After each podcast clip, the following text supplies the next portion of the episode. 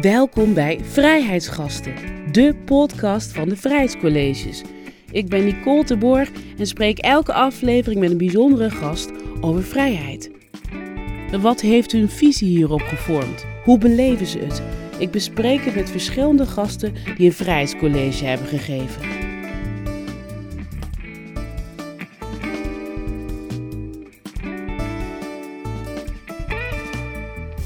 Hoe is haar gevoel voor vrijheid ontstaan? Uit wat voor nest komt ze? En waarom ging haar vrijheidscollege over muziek?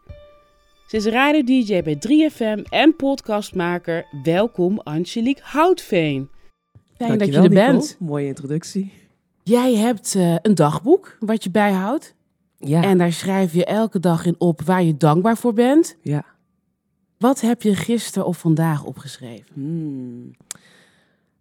Ik heb vandaag nog niks opgeschreven, want het is vroeg. Maar gisteren heb ik onder andere opgeschreven dat ik dankbaar ben voor mijn familie. Voor mijn vader, voor mijn moeder. eh, dat ze allebei nog leven. Voor mijn broertje. Mijn broertje en zijn vriendin krijgen een kindje. Dat het kindje nog gezond in de buik zit. En dat ik, het zijn van die dingen die zo vanzelfsprekend, die je vanzelfsprekend kan gaan vinden. En toen bedacht ik me, hé, hey, dat is eigenlijk best wel een blessing dat ze er allemaal nog zijn. En. Wat betekent familie voor jou? Steeds meer. Ik had, voor mij was het toch altijd, ja, familie is er en ja, ze zijn er. Ik ben ook door een hele periode heen gegaan dat ik eh, dingen kwalijk nam. Je, ik ben toen in, eh, eh, bezig geweest met eh, traumatherapie. En niet omdat het per se een groot trauma was, maar ik rolde daar zo'n beetje in. En dan kom je erachter van, oh ja, dit waren dingen die mijn ouders toch wel misschien anders hadden kunnen doen. En dan word je een beetje boos op ze. Waarom hebben jullie niet anders gehandeld? En dan, hoe ouder je wordt, kom je ook steeds meer tot het besef... ja, ze hebben echt gewoon gedaan wat zij konden met wat zij in zich hadden. En ja, daar mag ik best wel blij mee zijn. En wanneer kwam voor jou dat besef dat ze, dat ze hun best hebben gedaan? Wanneer kon je die kwaadheid eh, loslaten? Eigenlijk niet zo lang geleden. echt een... Ik keek naar mijn moeder en mijn moeder, ik ben nu in het proces om een huis te kopen. En ze belt me elke dag en heeft ze weer interieur-ideeën. En dan ben ik een beetje, klein beetje bitchy van, eh, ja mama, eerst maar het huis kopen en dan eh, zien we wel weer verder. En dan dat ik denk van, ja, maar het is eigenlijk ook heel lief. Er zijn mijn moeder, mijn moeders moeder, die was best wel jong overleden toen mijn, ja, mijn moeder was 29 toen zij was overleden. Dus die heeft dat allemaal niet meegemaakt. En ik denk, ik, het is ook, het is allemaal zo lief bedoeld. En ondanks, ja, ze heeft ook gewoon gedaan wat zij kon doen. En ze is er nu. En ook zij verandert als mens. Dat vind ik ook mooi om te zien, want ik verander en ik geef haar dan af en toe, paas ik haar wat boeken. Ik, zij verandert daar ook mee met mij. Hoe heet ze eigenlijk? Lillian. Lillian. En hoe, Ja. wat is het voor vrouw? Mijn moeder is, ehm, nu mag ik niet zeggen haar leeftijd. ze is Hoeft leuk. niet, hoeft niet. nee, precies. Ze is, eh, ze is van Surinaamse afkomst, ze is in Suriname geboren ook. In haar twintig jaren hier in haar eentje naar Nederland gekomen en echt Lillian dus. Lillian. Lil- Lillian. Lillian. Precies, zo zeg je het eigenlijk. Lillian. Mhm. ja. ja, en, en hier zelf alles opgebouwd. Zij was de eerste van haar zussen, is ook de oudste die hier kwam. En gewoon from scratch maar wat heeft ja, gebouwd. En als ik daaraan denk, denk ik van ja, dat vind ik mooi om te zien. En ze is eh, En je moeder heet Lillian. Hoe heet jouw vader? Henk. Henk. Ja. Henk en Lillian. Ja, ja, ja. ja. En wat heb je van Henk geleerd? Wat heeft hij jou voor les meegegeven? Zo. Mijn vader was wel echt, hij had zijn flas, maar hij was er altijd voor familie. Het was een soort missie van hem. eh, mijn familie mag nooit iets tekort komen. Dus er was nooit een tekort aan geld, er was nooit een tekort aan speelgoed. Wellicht een klein tekort aan emotioneel eh, dingen. Maar ook dat is dan weer, als ik kijk, mijn vader is eh, van 1942, dus hij is opgegroeid midden in de Tweede Wereldoorlog. Zijn ouders hebben al heel echt na een paar weken gezegd van... hey, wij kunnen niet voor hen zorgen. Dus toen kwam hij in een kinderthuis terecht. En zo heeft hij eigenlijk altijd in, naast, naar kinderthuizen in... je dat? Bij gastouders gezeten. En dat ging nooit goed. En op een gegeven moment ging hij in militaire dienst. En ook van hem, als ik daarop terugkijk, denk ik ook van... ja, het is zo'n bijzonder verhaal... hoe jij het ook maar in je eentje gered hebt... en er wat van hebt gemaakt. Bij hem ook anders gaan bekijken? Je zegt, je bent Ja. altijd naar mijn moeder gaan kijken. Ik, ik zie hier nu voor wie ze is. Ja. Heb je dat bij je vader ook? Bij Ja. Henk? Ja, zeker. En omdat mijn vader heeft, als ik vanuit nu, hoe wij nu naar dingen kijken, heeft zoveel trauma meegemaakt. Wat, wat, ja, wat, wat, wat bijvoorbeeld? Waar moet ik dan aan denken? Nou ja, ik, een deel vind ik niet appropriate om te delen, want dat is zijn. Maar ik bedoel, zo. Wat jij, wat jij wil delen hoor. Ja, maar ook misbruik in, in die, die tehuizen. En, en, weet je, en geslagen worden en nooit echt geliefd worden. En vervolgens dan maar aan het werk gaan en daar ook een beetje lichtelijk uitgebuit worden. Als je mijn vader zo vraagt, zou hij het niet zo zien nu. Die ziet van, ja, ik moest gewoon overleven. En ja, ik bedoel, we hebben het toch goed gehad. Dus die kijkt er gelukkig heel eh, nuchter naar. Maar ik kijk wel naar zijn leven en uiteindelijk eh, ja, zijn patronen en emotioneel niet helemaal toereikend. Dan denk ik, ja, ik vind dat logisch als je nooit een bepaalde vorm van liefde hebt gekend. Je hebt veel empathie, je, je begrijpt het. Ja, Hmm. het is niet altijd makkelijk. Zeker, mijn vader heeft nu Alzheimer, dus hij vergeet heel veel. En ja, dat maakt soms dingen ja, gewoon uitdagender. Want mijn ouders zijn niet meer bij elkaar. Dus ehm, mijn broertje en ik doen dragen zorg over hem. En dat, ja, dat brengt ook wel weer allerlei... Je nu mantelzorger? Ja, ja, is officieel zijn bewindvoerder. Dus we regelen zijn financiële zaken en zijn zorgzaken en medicijnen en boodschappen. En dat is ook weer een heel nieuw proces waar je dan in gaat van... Mijn vader was altijd wel die sterke, sterke gast die alles voor elkaar had. En ik kon altijd op hem leunen als ik geen geld had of wat dan ook. En nu is dat opeens gewoon helemaal weggevallen, want ja, wij doen alles voor hem. Ja, mooi. Ja, Jij, ehm, jij zit hier natuurlijk omdat jij vrijheids, een vrijheidscollege hebt gegeven. ja, Ehm, dat zou jij doen op een bevrijdingsfestival. ja. Allemaal mensen in de zon natuurlijk. En toen kwam corona. ja. En voor heel veel mensen betekende dat, oké, controleverlies. De Mm. wereld ziet er anders uit. Wat heeft het voor jou betekend, deze periode? Hmm. Ik merk, en dat is lastig om te zeggen in deze tijd waar zoveel mensen hun baan verliezen, zoveel mensen mentaal niet lekker gaan. Ik merk de effecten daarvan op mijn eigen leven niet heel groot. En dat heeft met een aantal dingen te maken. Dat heeft A te maken, ik mag nog naar werk. Dus ik mag nog naar de studio toe en mijn werk doen. Waardoor het niet voelt alsof echt alles gebroken is. En het heeft ermee te maken, niet lang voor corona eh, ben ik geopereerd en heb ik heel lang thuis gezeten qua herstel. Dus het voelde voor mij van, oh, we gaan dit gewoon nog langer doortrekken. soort van. Ik was al gewend aan het hele thuiszitten en niet echt iets kunnen doen, vanwege fysiek in dit geval dan. Alleen op dat moment ging de wereld door en zag ik iedereen dingen doen. En dacht ik, ja, het voelt toch wel balen. En nu zat ik thuis en zat iedereen thuis. Dacht ik, dit is eigenlijk veel relaxter dan de vorige. Waarom vond je dat relaxter, dat iedereen dan met je mee kan doen? Nou, het is toch, toch dat gevoel van missing out. Van hey, de hele wereld is bezig. mensen- FOMO, FOMO. Ja, een beetje. En dan niet eens voor feestjes of dat soort dingen. Maar ik voelde van, ik wil meer dingen neerzetten in de wereld. Ik wil dingen creëren. Maar ik kan nu niet. Ik moet gewoon rustig aan doen. En dan zie je mensen die, oh, nieuwe vlog, nieuwe podcast. Die gaat dat presenteren. En ik je, wow, ik wil ook gewoon aan de slag. Maar dat kan niet. Ik kan nu niks. Wat is dat met deze tijd? Hè? Ik merk het ook bij mezelf. Dat je dan, je noemt dat als laatste, dat je dan op social media kijkt. Dan zie je iedereen delen hun perfecte leven. Mhm. Waarom prikken we daar niet doorheen? We weten dat, het, Ja. dat er meer is. Wat Ja. is dat met ons? ik weet niet, soms ben je er gewoon gevoelig voor of zo. Ik heb ook momenten dat ik er totaal niet gevoelig voor ben. Maar soms, zeker als je dan even niet lekker gaat, als je bijvoorbeeld ziek zit en je kan ook echt niks. Ja, dan iets gebeurt er in je mind dat je dat toch, ook al weet je beter. Want andersom weet ik ook dat mensen naar mijn Instagram kijken en naar mijn leven en denken, jeetje, die gaat ook maar de hele tijd vooruit en doet toffe dingen. Terwijl ik denk, je weet niks. dat valt Ja. ook allemaal wel mee. Ja, want je noemde het net even, eh, endometriose heb jij. Ja. Dat is een, eh, een ziekte, baarmoeder ehm, eigenlijk. Mijn nichtje heeft het. Ah. Eh, en wat ik heel heftig vond van haar verhaal, is dat zij niet gehoord werd door de huisarts. En het Mm. bleef zo lang doorgaan dat zij nu dus geen kinderen kan krijgen. Heel veel pijn heeft. Maar kan je nog even uitleggen aan degene die luistert wat dat precies is? Als je dat wilt delen tenminste. Ja, zeker, zeker. Het is een, een aandoening waarbij slijmvlies eh, gaat, zich gaat vestigen op plekken waar het niet hoort. Dus onder andere buiten je baarmoeder, maar bij mijn geval ook bij mijn darmen, bij mijn urineleider. Dus, en dat gaat dan opzwellen als je menstruatie hebt, of ook als je geen menstruatie hebt, kan dat opzwellen. En dat zorgt dus voor die immense pijnen. En het is een aandoening die nu steeds meer op de radar komt, maar inderdaad wat je zegt van jouw nichtje zei, die, het- dat veel artsen in eerste instantie niet zagen direct. Ik geloof dat de tijd tot diagnose vroeger acht jaar was. Acht jaar vanaf het moment dat je klachten hebt, totdat ze eindelijk komen met, oh, dit is endometriose. Dus inmiddels is dat soms sneller. In mijn geval is het wel gelukkig een stuk sneller gegaan. Maar ik heb ook ben zo vaak naar de dokter geweest en naar eh, andere artsen, specialisten. Van ja, ik we denken dat het dit is. Oh nee, toch niet. Ja, hier is een zak met eh, pijnstillers. We weten het ook niet. En het is dat ik zelf best wel drammerig ben dan en dan denk van ja, ik ga niet zo leven. Er moet een oplossing komen. En gewoon maar telkens bleef teruggaan. Dat ze uiteindelijk door scans zagen van oh, dit is het. En ja, toen konden handelen. Jij zegt helse pijn. En wat, wat moet ik me dan voorstellen bij jou? Lig je dan op bed met pijn in je buik? Hoe, wat voor beeld is het dan? Oeh, ja, toen was dat echt. Inmiddels ben ik geopereerd, dus is het allemaal veel minder. Maar toen, ik kon niks. Het enige wat relief gaf, is om in een echt een zeer warm bad te gaan liggen.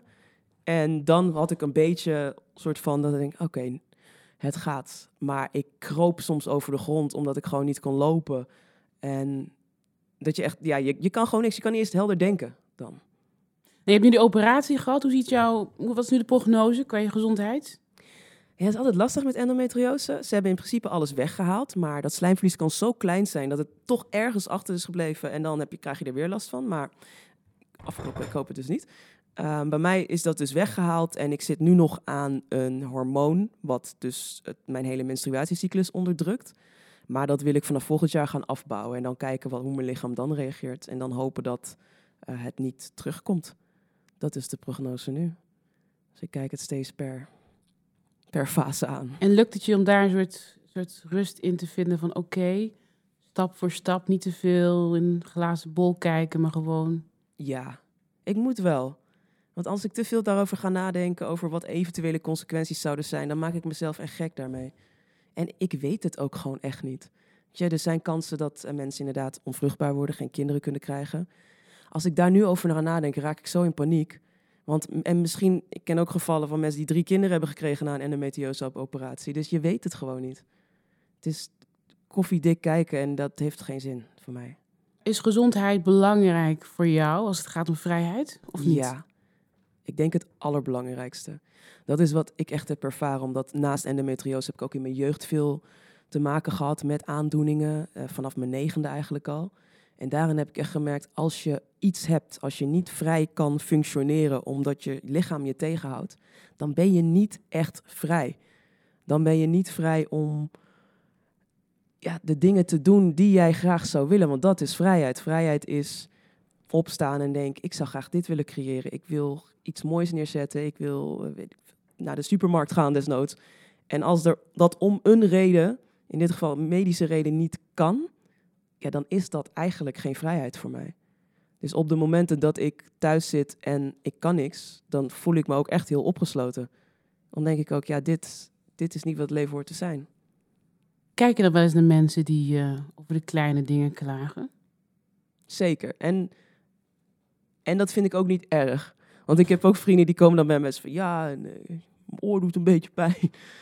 En dan denk ik, en dan, dan denk ze ja, maar dat is niks tegenover jou. Dan denk ik, dat maakt niet uit, weet je. Klaag gewoon over je pijn, want iedereen heeft het op zijn eigen manier. En dat mag er ook zijn. Het is, want anders kom je in die loop terecht van ja, en uiteindelijk zijn er mensen over de hele wereld die doodgaan van de honger. Dus dan zou je nergens meer over kunnen klagen. Dan zou ik ook niet mogen klagen. Dus je kan het loslaten. Ja, ik vind gewoon iedereen heeft zijn eigen dingen en moet daarover kunnen uiten. In jouw werk hè, deel je niet alleen muziek, maar je deelt ook jouw wijze lessen. Je deelt ehm, gedachten over grenzen, geluk, gezondheid. Waar komt die drang van jou vandaan om, om dat te delen? Hmm. Bij mij ontstond het een beetje. Ik luisterde heel veel podcasts van anderen, bijvoorbeeld een Oprah Winfrey, die dan gasten had, die dan kletste over wat zij beleefde. En ik zat daarnaar te luisteren en toen dacht ik voor mezelf, ik heb natuurlijk ook het een en ander meegemaakt. En ik denk, ik denk dat ieder mens iets te vertellen heeft waar een ander iets aan kan hebben. En toen ben ik maar gewoon begonnen met vertellen. Letterlijk, ik mijn telefoon gepakt en ik ben iets gaan opnemen. Dacht ik, en toen had je opeens een, was er een app waardoor je heel makkelijk podcast kon opnemen. Inmiddels heb ik een andere, maar toen dacht ik, zal ik dit gewoon online gooien? Ja, waarom niet? Was je niet bang? Want voor degenen die het niet kennen, ehm, Angelique deelt echt haar gedachten. Het is een soort hardop uitgesproken dagboek. waarin je durft kwetsbaar te zijn, over je angsten, ehm, over waar je echt bang voor bent, eh, de risico's die je neemt. Je gaat gewoon met de billen bloot. Ja. Wat maakt dat je dat durft? Kon je dat tien jaar geleden ook? Laat me dat eerst vragen. Nee, zeker niet tien jaar geleden. Zeker Waarom nu wel? Eh, ik heb echt wel een, een transformatie meegemaakt in die, in die tijd. En dat begon zo rond 2014. Toen had ik acht jaar zat ik in een relatie. En toen dacht ik, eh, ik twijfelde al heel veel. En toen ben ik gaan onderzoeken waar komt die twijfel vandaan? Wat, wat moet ik hier aan doen? En dat was eigenlijk het moment dat ik in een meditatieweek rolde. Letterlijk. Een vriendin van me zei, ja, ik ben ooit daar geweest, leuk. Ik zei, is goed, ik geef me op. Zonder te weten wat het precies echt inhield. En dat was lichaamsgerichte meditatie. Stond ik opeens in een zaal met mensen die allemaal aan het schreeuwen waren. Wacht even, sorry, sorry, sorry. Ja. Wacht even. Is dat in Baren? Nee, Oh. nee, dit was in Winterswijk. Oké, oké, Nee, nee. je ook geweest? Ik ben in Baren. Nee, joh. Hetzelfde soort... eh, Nee, nee, luister. Ik, ja, ik, ik schreef zo even, maar dat was gewoon, ik kwam naar binnen en dan moet je gewoon gaan dansen. Dus Ja. je gebruikt je lichaam, je gaat helemaal uit je lichaam, uit je Mhm. hoofd. En je denkt, waar ben ik beland? In een ruimte met 15 mensen die je niet kent, Yep. die allemaal dansen, waarvan je denkt van, wat hebben zij genomen dat ze zo gaan dansen? Juist, Maar goed, maar precies dit. dit, maar ga Precies verder, ga dit. verder. Wat, was, wat zag jij? ja. Nou, inderdaad, je moest ook eerst beginnen met dansen. Op een gegeven moment was er een oefening, dynamic, is een soort meditatie. Je knikt, heb je die ook gedaan? Nou, ik heb er zoveel gedaan. Ja. Je wil niet weten. Het En is, dan- maar het is jou, Ja. jouw ding. Vertel jij wat jij hebt En dan meegemaakt. moest je dus eerst ook dansen en los en dan soort heel heavy breathen. En op een gegeven moment had je een soort catharsis waar dan iedereen alles eruit moest laten. Dus dan zat je inderdaad met 15 mensen die ah, keihard aan het schreeuwen waren. En je zag hun gezicht alsof de duivel aan het bezeten. dacht ik, wat is dit? Dit is een soort secte. Ik moet hier weg. Want deze mensen zijn allemaal gek. Run, Forrest, run. Juist. En na dag twee dacht ik, wanneer in je leven krijg je de kans om keihard alles wat je dwars zit eruit te schreeuwen? Dat ga je niet in je huis doen. Dan ga je niet op straat. Als je op straat word je voor een gek aangezien. Dus als je hier mag je gewoon legit dat doen. Dus dacht ik, daar moet ik eigenlijk gewoon gebruik van maken. Dus aan het einde van de week was ik ook als een bezeten keihard aan het schreeuwen. Maar nu luistert er iemand en die denkt, nou voor onzin. Je gaat Ja. er in een ruimte, je gaat gillen, je gaat mediteren. Op wat voor manier kan dat helpen? Wat, wat Ja. zou je zeggen tegen iemand? Het is een release en je leert jezelf op een andere manier kennen. Want ik was toen ik daarvoor kwam echt in de overtuiging van... Ja, mijn jeugd was wel goed. Ik heb, ik heb geen trauma. Ik heb niks. Ik ben gewoon een chill persoon. Er is niks mis met mij. Ja, niks aan de hand. En dan, maar toch voel je ergens een ongemak. Want anders was ik daar niet gekomen. En daar leer je gewoon kennen wat, wat de patronen zijn die jou continu vasthouden in een soort systeem. Waarom je bijvoorbeeld continu naar een bepaalde gozer toe gaat waar- waarvan je niet weet dat die goed voor je is. Of waarom je niet kan stoppen met elke avond chips eten terwijl je aankomt en je denkt, ik wil dit eigenlijk niet. Gewoon random voorbeelden hoor. Maar Hoe stop je patronen? Hè? ja, hoe, Mhm. stop, hoe stop je dat en kan je veel meer leven vanuit wat echt van jou is en niet overgekregen van ouders of andere society. Je praat in derde persoon. Als je nu ik hebt, wat, wat, is het, Ja. wat, heb jij, wat is er bij jou veranderd? Ja, ik heb echt patronen van mezelf gezien. Van ehm, dat ik nou, niet altijd heel open was. Nou, nu dus ben ik een soort open boek geworden. Maar dat ik echt heel veel dingen binnenhield. En eh mensen, iemand had me ooit wel eens gezegd, je hebt veel woede in je. Toen dacht ik, ik? Woede? Kijk hoe relaxed ik ben. En daar heb ik echt gemerkt, ik heb inderdaad had ik veel woede in me. Ik was over heel veel dingen boos, ook al kleine dingen. Dat ik vanaf mijn jeugdig, jeugdig best wel vaak ziek was en ook binnen moest blijven. En tuurlijk, dat kan niemand wat aan doen. Maar ik was daar eigenlijk best wel kwaad om dat dat zo was. Maar dat uitte ik niet. Ik wist niet eens dat dat mocht. Dat je, gaat gewoon door met het leven. En op dat moment heb ik dat echt geuit. Die pijn die ik heb gevoeld. Echt elke dag dat ik moest gaan bloed prikken. Elke dag naalden in me. Elke dag onderzoeken in die periode. En daar kwam een soort van die pijn uit mijn jeugd naar boven. Van wow, dat was best intens voor een klein kind om dat allemaal te beleven. En op een gegeven moment, hoe vaker je dat soort dingen doet, je wordt steeds losser. Qua, je, alsof je gewoon steeds meer bagage laat gaan. Waardoor je steeds lichter persoon wordt. Heb je jezelf bevrijd? Ja, ik ben er nog lang niet, denk ik. Maar ik heb wel bepaalde patronen bevrijd. En ja, veel meer kunnen laten gaan. En ik denk dat dat een lifelong proces is. Waar je je hele leven steeds meer beetjes aan het afsnijden bent. Maar ik, ja, voor een groot deel eh, voel ik me wel veel lichter dan zes jaar geleden. Je bent die cursus gaan doen en dat was het begin van oké, ik kan mijn gedachten delen met de wereld. Ik kan zo'n Ja. podcast opzetten en gewoon helemaal mezelf zijn. Ja, en ook vanuit een beetje, het, ik miste het ook om te horen wat er nou in andere mensen omging. Dat ik, ik wil gewoon eerlijk weten wat er met mensen speelt. En dat hoorde ik dan bijvoorbeeld wel bij een opera lichtelijk. En toen dacht ik, ja, misschien als ik dat zelf doe, wellicht hebben andere mensen er ook wat aan. Of ze zien een nieuw inzicht. En al heel snel, terwijl ik daarmee bezig was, kreeg ik inderdaad echt appjes en DM's van mensen die zeiden van, wow, ik zit met precies hetzelfde en ik denk er ook allemaal over na. Ik had geen idee dat er meer mensen over nadachten.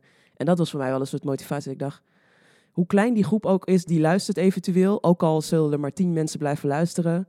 Dit is voor mij een soort release en blijkbaar dus ook voor anderen. Dus dan blijf ik het gewoon doen.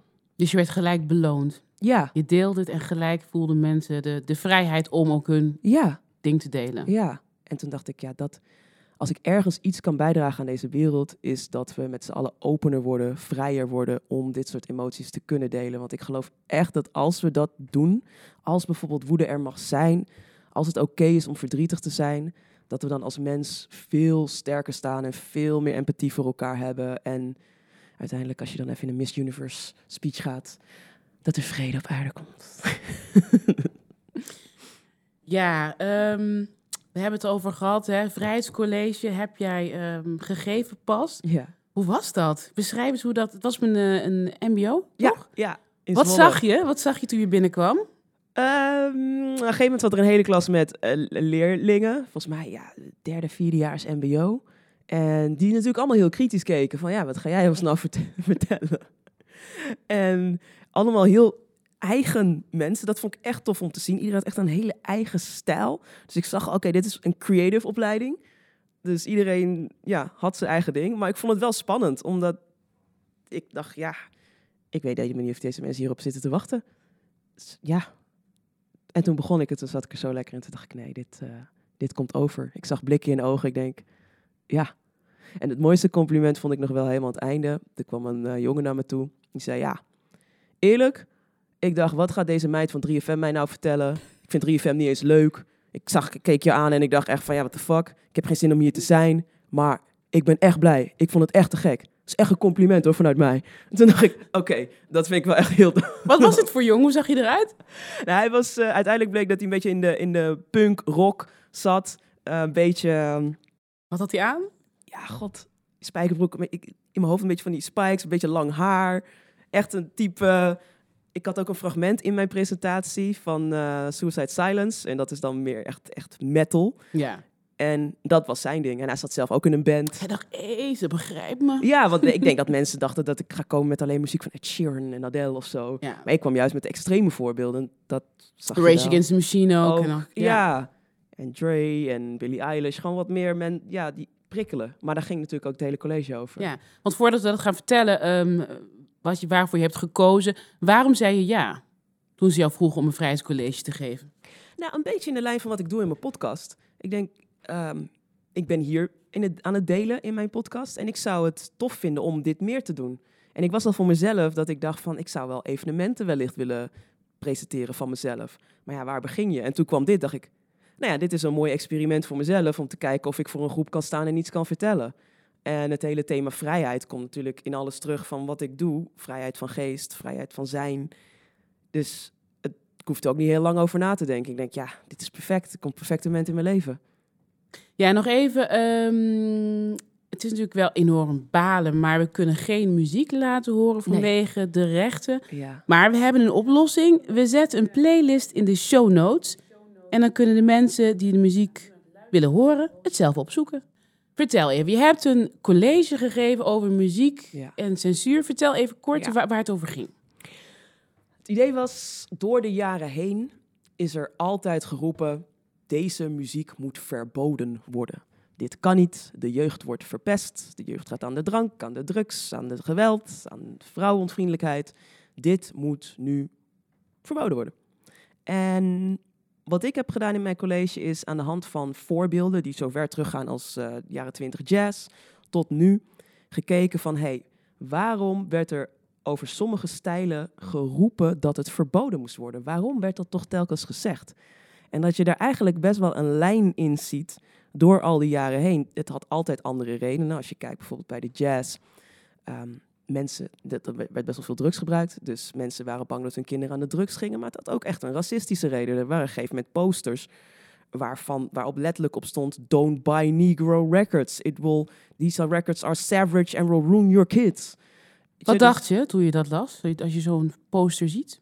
ja, pijnlijk. Ik, ik, ik weet, ben best wel ingelezen over racisme. Maar dat, dat zelfs over muziek, weet je, muziek die mensen blij maakt, dat, dat daar mensen dan over vallen. Weet je, dat dat iets zou oproepen bij, ja, dat, ik, vind dat, ik vond dat moeilijk om te zien. Ben je nog steeds verbaasd daarover? Nou, niet verbaasd, Nee. want je weet dat het er was. Ja. Maar ik, ik heb letterlijk, een, een- als je dan zo'n poster ziet die gewoon bij platenzaken hing, don't buy Negro records, they are savage, dan denk je, je weet dat het is, maar denk oké, shit, die poster hing daar gewoon. Stel je voor dat ik black in die tijd was en ik liep langs die poster. Dan ga je daar toch over nadenken. Dan denk je, jeetje mina. Want mensen als Ella Fitzgerald, Billy, Billie Holiday, die mochten niet aan de voorkant naar binnen. Hè? Nee, Die moesten echt de werknemers eh, ingang nemen, een andere ingang. ja, Ja. dat is toch bizar. En dat heeft toch tot ver in de 60s, eh 50s geduurd. Dus, dus wat ontdekt je qua lijn? Ehm, je had het over drugsgebruik bij jazz, maar ook dus een beetje gemarginaliseerde mensen, racisme. Dat Ja. speelt een rol door de jaren heen. Wat, waar ben je Dat- ermee achtergekomen? En vooral, en dat was de hoofdlijn, het onderdrukken van emoties. En vooral de emoties die wat heftiger zijn. Want het is nooit de muziek van Ed Sheeran waar we over zeggen, dat kan echt niet. Het is altijd de muziek die net een niveautje dieper raakt. Die net iets raakt waarvan we eigenlijk als maatschappij zeggen, ja, maar daar willen we niet aan. Dit is te duister, dit is te, roept te veel op. En dat verschilt ook weer naar wat je kijkt natuurlijk hoor. Maar ehm, bijvoorbeeld je broer, kind van de duivel, nummer dat, ehm, waarvan ouders, zeker in de, de gelovige gemeenschap, zeiden van ja, dat kan niet. Want mensen gaan zich tegen God keren op zo'n manier. Ja, nummer uit 2017, eh, waar, hè, waar je ook een heel heftige clip ziet met een klein jongetje. Ja, En van, eh, wat zegt hij? Ik ben de duivel? Of, ik ben de kind van de duivel. eh. Ja. Ja.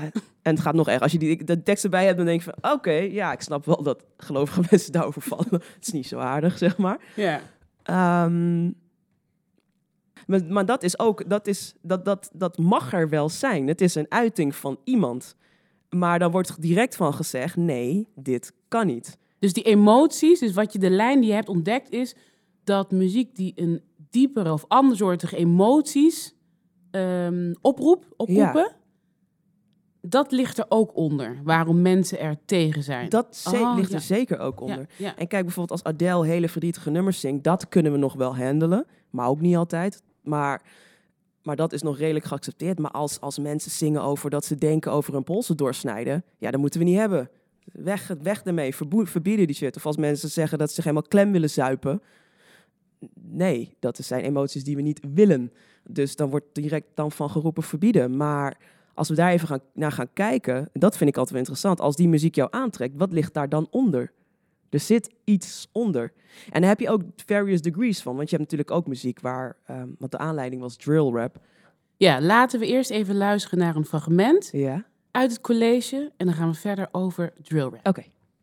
En daar ben ik een klein beetje van mening veranderd. Want toen ik dit schreef, had ik in eerste instantie zoiets, weet je wat? Het is eigenlijk gewoon iedereen's eigen verantwoordelijkheid om, om daarmee te dealen. Als jij getriggerd wordt door muziek, weet je, ja, dan moet je daar zelf maar mee dealen. Het probleem moeten we eigenlijk gewoon bij de ouders laten, alleen maar dat. Maar ik ben wel van mening dat in sommige gevallen we wel met de muziekindustrie moeten gaan praten, gaan kijken van oké, wat is ons aandeel hierin? Bijvoorbeeld in het geval van een aantal drill rappers zou je kunnen zeggen, ja, moet je als label dat nou tekenen en actief promoten?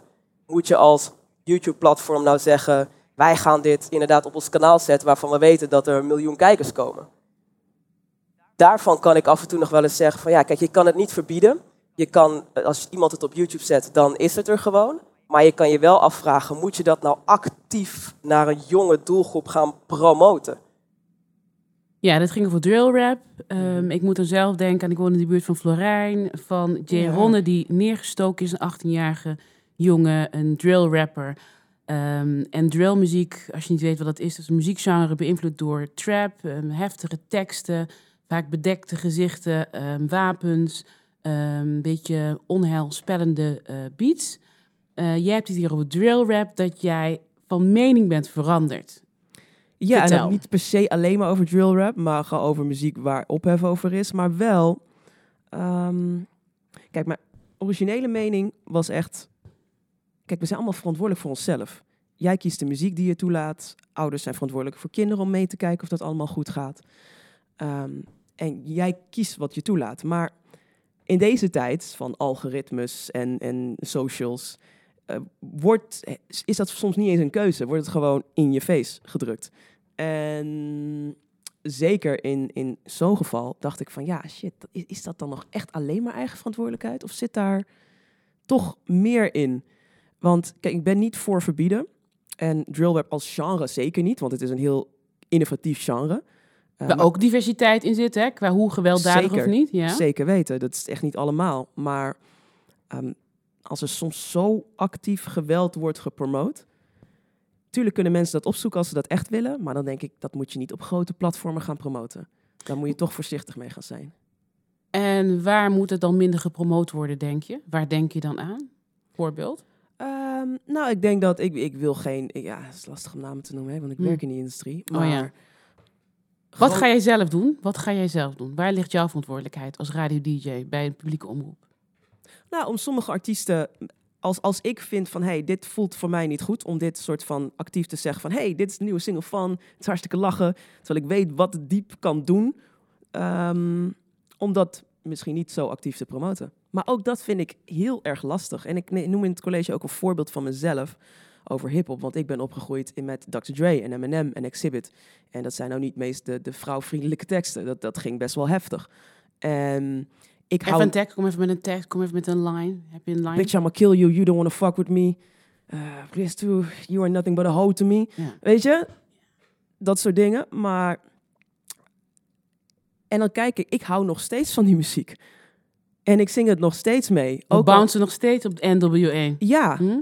maar ik zie ook dat het wel zeker een effect heeft gehad op mijn denken. En dat deel ik dan ook. Bijvoorbeeld dat ik als 15-jarige meisje, mijn idee van liefde was, je moet aan een man gewoon, je moet alles doen wat hij wenst. Je moet vooral niet te veel zeuren, want dat hoorde je ook altijd op die nummers. Vrouwen die zeurden werden echt een beetje weggezet als, Dus jij zegt dat de muziek die jij toen hoorde invloed heeft gehad op, jou, eh, op jouw vrouwbeeld, of tenminste hoe jij moet zijn als vrouw in een relatie. ja. En dat zei ik ook tegen vriendinnen van mij, als ze dan zeuren waren tegen hun vriendjes, die ze dan net hadden.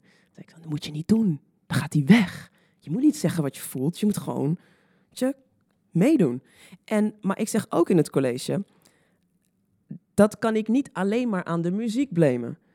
Want vrienden en vriendinnen van mij hebben dezelfde muziek geluisterd en hebben niet die beelden van de liefde gehad.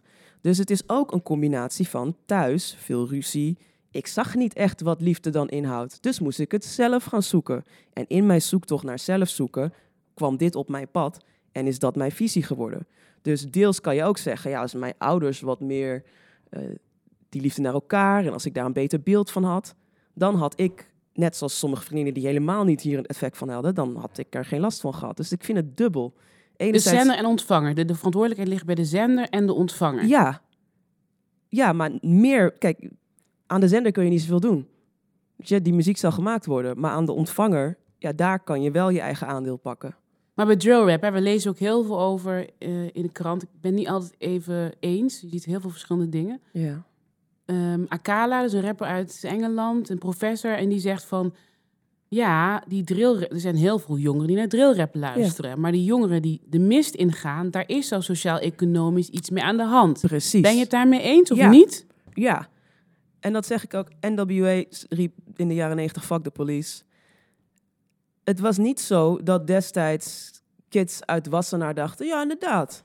Fuck de police. Ik ga nu met steen op ze gooien. Hm. Weet je, het, het, het geweld vond vooral plaats bij mensen die inderdaad een hele leven last hadden van, van gekleineerd worden door de politie. En die dat nummer uiteindelijk hoorden en dachten, inderdaad, gelijk hebben jullie. Dus het was niet zomaar dat, het, het ligt echt aan je achtergrond. En hetzelfde met dit. Ik bedoel, het feit dat jij met wapens en zo, dat, dat komt ergens vandaan. Als jij gewoon een soort perfecte jeugd hebt gehad en alles is happy en blij. En dan ga je niet zomaar denken, inderdaad, ik moet met een wapen op straat en ik moet eh, mensen uit de G-buurt afknallen. Laten we gaan naar fragment 2. En dat gaat over triggers. Verbieden of niet. Kijk, we leven nou wel in een wereld met heel veel triggers. Zowel qua muziek, qua games, qua films. Qua... Er komt gewoon veel op ons af in ons smartphone. Er is heel veel. Dus je kan een aantal dingen doen. Je kan proberen al die triggers de hele tijd weg te halen. Dus oké, we gaan dit verbieden, we gaan de muziek verbieden, we gaan bepaalde apps verbieden. Maar is dat, is dat nou echt de oplossing om die triggers weg te halen? Of moeten we als samenleving massaal leren om om te gaan met die triggers? En met om te gaan met die triggers kom ik weer bij dat emotie, die emotie die ik eerder al omschreef. Van als bijvoorbeeld woede er niet mag zijn, als boosheid er niet mag zijn, als verdriet er niet mag zijn, dan hoe moeten we daarmee leren omgaan? Ik denk dat als samenleving, dat is gewoon even mijn, mijn persoonlijke kijk op de zaak, dat we heel erg moeten leren om om te gaan met die triggers en om te gaan met onze eigen emoties en veilige uitlaatkleppen vinden voor de emoties. Hoe merk jij dat bepaalde emoties er niet mogen zijn in deze samenleving? Hoe ik dat merk. Ja, want je zegt bepaalde emoties, we hebben het over woede, we hebben het over, die mogen er niet zijn. Ja. Nou ja, kijk jij, maar als jij op werk aankomt en nu zegt van... eh, fuck, ik voel me echt kloten. En je blijft maar even zo doorgaan een half uur. Na het vijf minuten komt iemand naar je toe. Nou, nou, Nicole, doe even rustig aan. Weet je, dat, eh dat is even geen ruimte voor. Je, terwijl als jij komt, ik ben zo blij en ik heb een huis gekocht. Oh, oh, vertel meer. Wat is, hoe gaat het dan? Je, de, dat... eh, En ik merk het, ja, ik merk het ook gewoon in mijn omgeving dat, dat, dat die, die ja, mindere emoties wil ik niet zeggen, maar die zwaardere emoties niet altijd gewenst zijn. Ehm, ik merk het bijvoorbeeld ook in het ziek zijn. Als ik, ik heb best wel vaak achter elkaar veel dingen gehad. En in het begin is het nog, oh wat vervelend. En, oh. en hoe langer je dat doorgaat, op een gegeven moment is het van, ja, het duurt nu wel heel erg lang hè. Heb je weer wat? Het, mensen kunnen maar zoveel aan qua medelijden of qua, qua dat het even niet goed gaat. Daarna moet je gewoon weer op, up zijn. En als je dat niet bent, ja, dan, ja, god, dan keer ik me liever een beetje van je af. want Dat gaat nooit goed met haar. En wat is het verband tussen die emoties eh, die er niet mogen zijn en die triggers dan? Die we dan die losgemaakt kunnen worden in, in, Mhm. in nummers? Wat, wat, wat is... Nou ja, als, als jij, dat is eigenlijk, kom je weer bij het opkroppen. Als jij dingen nooit uit. Dus stel, wat ik dus in mijn jeugd had, ik heb heel veel woede. En dat komt, heeft nooit een veilige uitlaatklep. Dus ik kan nooit naar zo'n meditatie om eruit te schreeuwen. Of ik kan nooit een kussen pakken en dat even helemaal eruit stampen. Of ik heb nooit, ik heb altijd ouders die zodra ik maar één traan komt, je moet niet huilen. Weet je? Ja, op een gegeven moment hoor je dan een zeer verdrietig nummer of een zeer boos nummer. Dan denk je, "Pff, eindelijk, dit is wat ik voel. En nou, dat kan eruit komen door gewoon dat nummer heel erg intens te voelen. Maar als in zo'n nummer dan geroepen wordt van... eh, en ik pak mijn wapen en ik ga op stap. Dat is geen echt nummer. Random verzin ik. Maar dan denk je, inderdaad, dat, dat is wat ik moet doen om deze woede... Dan, dan kom ik van dit gevoel af. Terwijl dat niet de veilige keuze is. Als jij al die tijd op een veilige manier gewoon die woede wel mag voelen... en het mocht er wel zijn... dan had je waarschijnlijk... Ik heb daar geen fysiek bewijs voor, maar ik geloof daar oprecht in... niet de behoefte om het dan op die andere manier... om dan een wapen te pakken, om dan de straat op te gaan. Dus muziek heeft een kanaliserende functie. Heeft gewoon ook een functie om ja, de emoties eruit te Ja. laten, wat weer ook kan helpen om dingen te voorkomen. Eigenlijk, hè? Want zo gebruik ik muziek. Ik, ik luister bijvoorbeeld, ik heb echt playlists op moods, op I'm mad en ik ben verdrietig. Welke mood heb je nu in, op je playlist? Wat, wat, wat is het nu? Ik had vandaag gewoon random goede nieuwe muziek. Het is Vrijdag, dus dan luister ik altijd nieuwe muziek. Oh ja, vrijdag is het nu. Vrijdag is Nieuwe Music Friday. Patroontje. Is zeker een patroon. Moet wel in mijn vak. Ja. Maar, maar dat ik, als ik me boos voel, of als ik voel van, hé, hey, dat heb ik wel vaker. Dat ik voel me ergens een beetje verdrietig. Maar ik weet niet zo goed waar het door komt, maar ik voel wel dat het er zit. Dan zet ik dus zeer verdrietige nummers op, die, die I'm Crying playlist, Cry Me River heet die. En dan komt het er vanzelf uit. Dus het is, ik weet dat het niet voor iedereen zo werkt, maar voor mij dan zet ik dat op. En dan alles wat diep in mij zat, wordt door die muziek getriggerd en dan opeens komen alle tranen. En alsnog kan ik soms nog niet verklaren waarom ik dat verdriet had, maar het zat er wel. En het heeft nu gewoon een uitlaatklep en, en dan voel ik me weer beter. Terwijl ik, als ik de hele dag met dat verdriet blijf lopen, of woede of wat dan ook, dan ben ik ook soms gewoon niet aardig tegen mensen. Weet je, dan ben ik niet de beste versie van mezelf. En je hoeft niet de hele dag de beste vers voor jezelf te zijn. Maar als ik denk, ja, als ik ga meeten met iemand en, en ik voel heel veel woede en ik kan dat van mezelf even eruit krijgen, ja, dan ben ik een leuke persoon straks voor die ander. Dus dat is hoe ik muziek zelf gebruik als, als ja, release van emoties. Jij maakt muziekprogramma's, je hebt nu podcast waarin je gedachten deelt, je wil iets delen. Waar zie jij jezelf over een tijd? Wat, wat is je droom? Mm. Ik ben die droom echt nog aan het vormen. As, as we Maar go. waar beweeg je naartoe? Dat weet je altijd. Je weet altijd waar je een beetje naartoe gaat. Of in ieder geval Ja. wat je niet wil. Nou, ik ben echt aan het bewegen naar deze kant. ehm, nou, nadat ik dat vrijheidscollege deed en zoveel mooie reacties kreeg, dacht ik, dit is zo krachtig. En dit betekent ook echt iets voor mensen, zeker voor jonge mensen. Wat kan ik doen om hier verder iets mee te gaan doen? Om deze combinatie van muziek en emoties en jezelf mogen zijn, om dat op een nog groter platform te kunnen delen. Dus ik merk wel dat ik die kant op beweeg. Hoe dat er precies uit gaat zien, dat vind ik nog moeilijk te plaatsen. Maar ik weet wel dat ik na dat college ging zoeken van... Hey, moet ik anders niet lerares worden of zo? Weet je? Moet ik Ja, niet een zit eigen bij- college ontwikkelen? Je zit bij KRO-NCV. Nog Ja. steeds zijn de vrouwen van kleuren op, e- op één hand te tellen. Ja. Wordt het niet tijd om te kloppen bij de zendermanager of bij degene die leiding heeft bij de KRO-NCV om te zeggen: hé, hey, ik ben hier, let's go. ja, nou toevallig heb ik gisteren een mooi gesprek gehad over een soort programma ontwikkelen... wat emoties en muziek aan elkaar koppelt. Ehm, dus ja, er, er lopen wel dingen. En ja, En wil je dan audio of wil je dan beeld? Wat gaan we zien? ik ben wel echt van de audio... Maar ik weet ook dat we in een tijd leven dat mensen meer prikkels nodig hebben om Ze soms willen, aan toch, te ze willen toch jou zien? Ze willen toch Angelique zien? Ja, ze wil iets zien. Mhm. Want, want alleen luisteren is vaak voor mensen te weinig prikkels. Dus ook al kan je maar aan het beeld staren met een animatie, dat is, werkt voor veel mensen. Dus daar moet ik wel iets meer mee gaan doen. Maar dat ben ik ook nog aan het onderzoeken.